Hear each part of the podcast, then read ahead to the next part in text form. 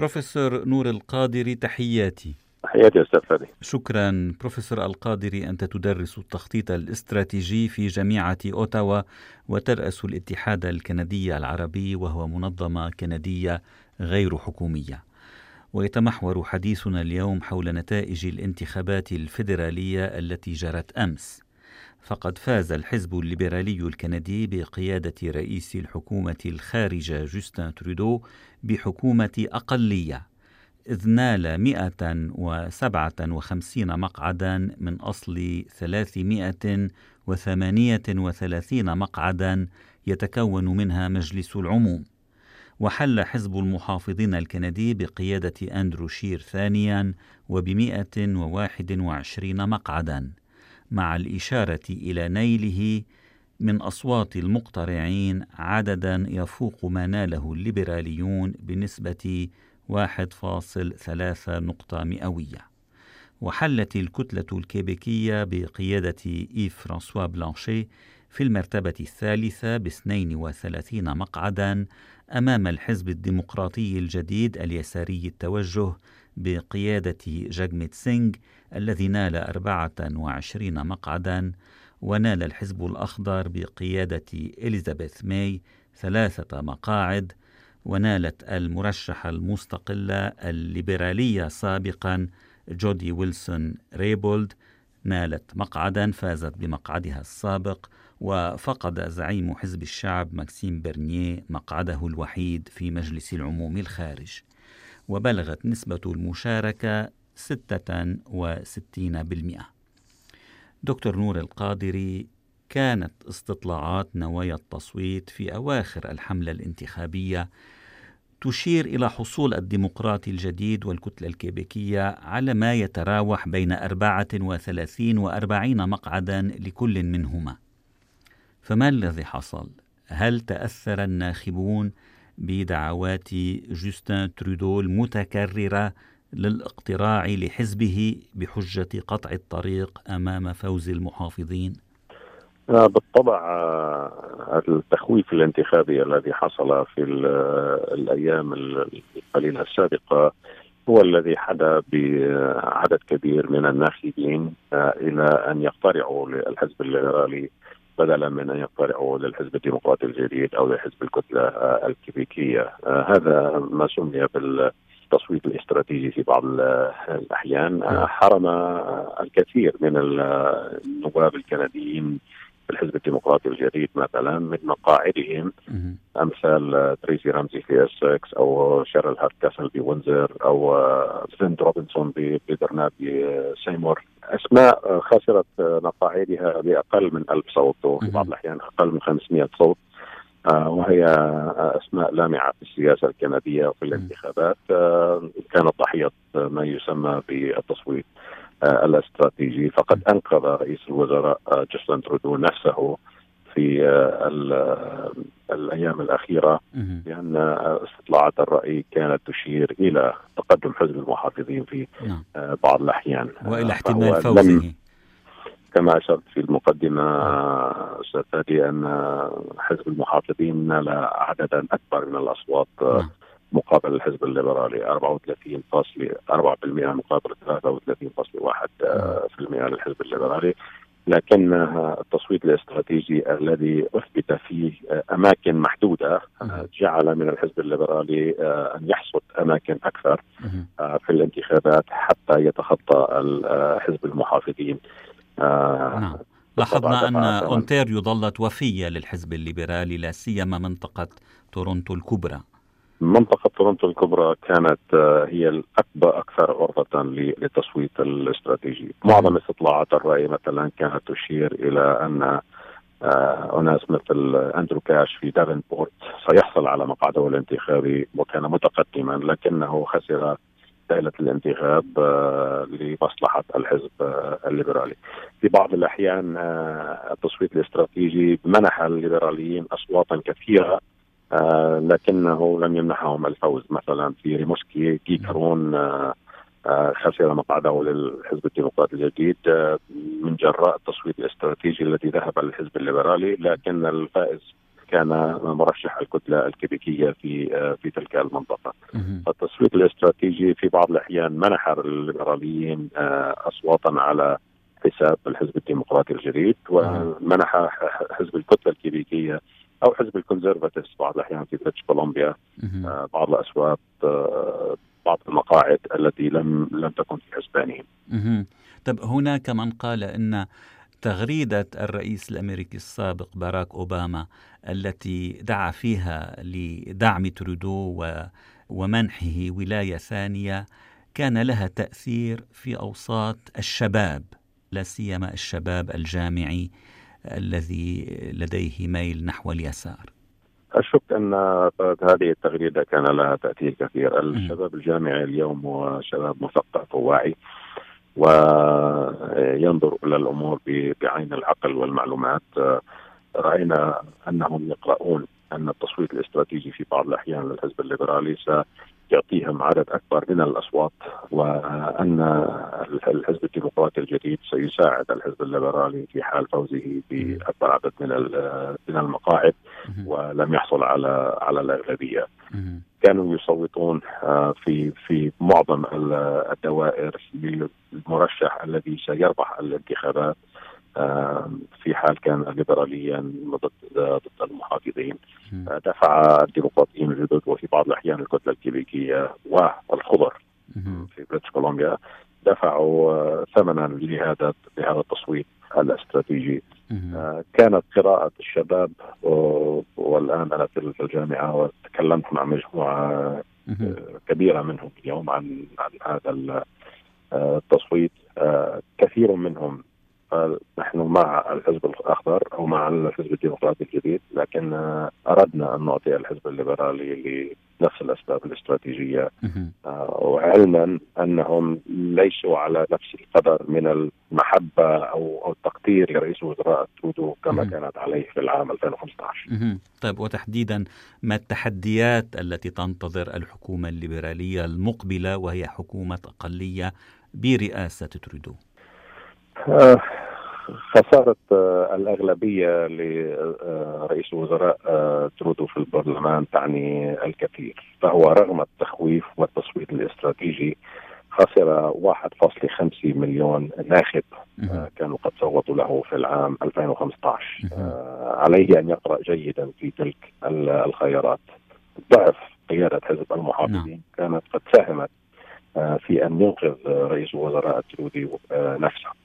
ولكن فيما لو كان هنالك زعيم بحزب المحافظين أقل آه، آه، سوءا من آه، من أندرو شير وأكثر حنكة أمثال بيتر مكي مثلا أو جيسون كيني أو أو المحنكين السياسيين في في حزب المحافظين. نعم. قد يكون السيد ترودو في مأزق عليه أن ينظر إلى هذه الأمور بعيون واسعة وأن يدرسها جيدا في الانتخابات المقبلة. لقد حصل اليوم على التصويت الاستراتيجي هذه السياسة قد لا تنجح معه في الانتخابات المقبلة والتي قد تكون خلال العامين المقبلين. وفي كندا معدل عمر حكومة أقلية هو 18 شهرا. فهل تتوقع لهذه الحكومة أن تتجاوز المعدل؟ آه، من الممكن أن تتجاوز المعدل فيما آه، لو تنازل السيد ترودو عن بعض المواقف بالنسبة للسياسات التي يهتم بها الديمقراطيين الجدد. مثلا فيما لو مرر الدواء المجاني أو أو طب الأسنان أو أو دعم أكبر للبيئة وتوقيف الاستثمار في في الأنابيب. ولكنه اشترى انبوبا. ماذا سيفعل اشترى انبوبا في السابق فعليه أن لا يوسع هذا الأنبوب الذي اشتراه. نعم هو اشترى الأنبوب ومشروع التوسيع أيضا. فمن الممكن جدا أن يوقفه الديمقراطيين الجدد.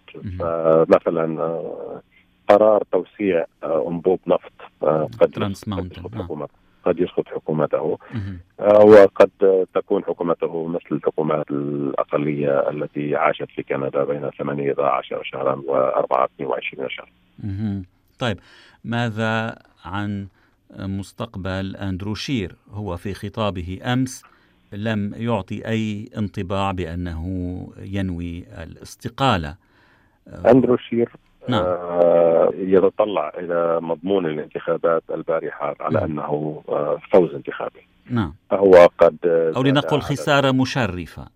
فقد زاد عدد نوابه من 95 إلى 121 نائبا في البرلمان الكندي وهي زيادة معتبرة ويقول أنه أعاد رئيس الوزراء ترودو من حكومة أكثرية إلى حكومة أقلية. نعم شبهه ببول مارتان رئيس حكومة الأقلية الليبرالية الأقلية الليبرالية. نعم. رسمه لذلك السيناريو كان ذكيا جدا. آه.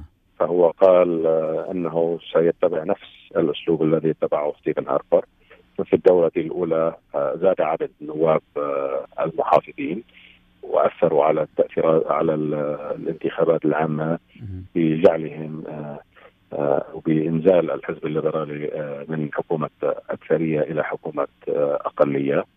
وفي الانتخابات التي تلت تابعوا نفس المسيرة وخسر الليبراليون الحكم تحت قيادة بول مارتن وربح ستيفن هاربر حكومة أقلية. نعم هو عام يرسم نفس 2006 السيناريو نعم.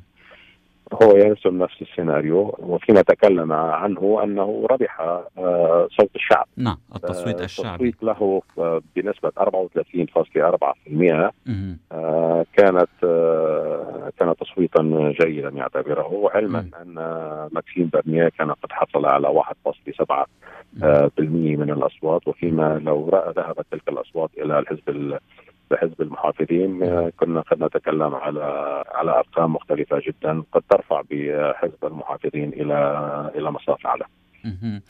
طيب البلد يبدو منقسما أكثر من السابق. يعني خرج الليبراليون من مقاطعتي ألبرتا وساسكاتشوان لم ينالوا فيهما أي مقعد. مرة أخرى يبدو الغرب الكندي في حالة انعزال. داخل كندا فكيف كيف ترى الوحدة الكندية على ضوء نتائج انتخابات أمس مما لا شك فيه أن الوحدة الكندية لا تتأثر بانتخابات فرئيس الوزراء الأسبق ترودو الاب مهم. كان قد خسر الغرب الكندي نعم. وشكل حكومات و... ولم تكن هنالك لم يكن هنالك أي تهديد للوحدة آه، الكندية. آه، لكن نعم يعني لن يحصل ما حصل في يوغوسلافيا أو في الاتحاد السوفيتي ولكن هناك شعور لدى لدى الكنديين في الغرب في بريتش كولومبيا ال- الجزء الداخلي منها وفي ألبرتا وساسكاتشوان وجزء كبير من مانيتوبا.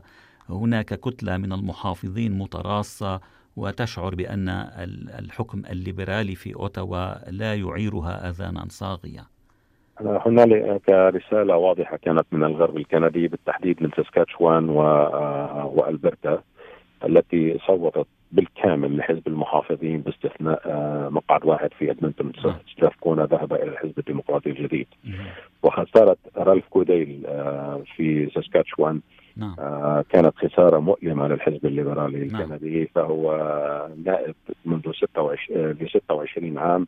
آه، خدم في العام 1974 مع ترودو الأب ومن ثم عاد في السياسة العام 93 ليخدم مع كل من جون كريتيان نعم. وبول مارتن وخدم في في ال- كان- كزعيم للحزب الليبرالي. آه، في في بعض الأحيان نعم. آه، هذه كانت خسارة آه، وكان من- وزيرا هاما في الحكومة أيضا وكان وزيرا هاما على الرئيس رئيس وزراء ترودو أن يقرأ هذه النتائج جيدا قد يكون من الممكن أن يعين السيد رالف كوديل أو أي شخص في نفس المكانه مم. إلى مجلس الشيوخ.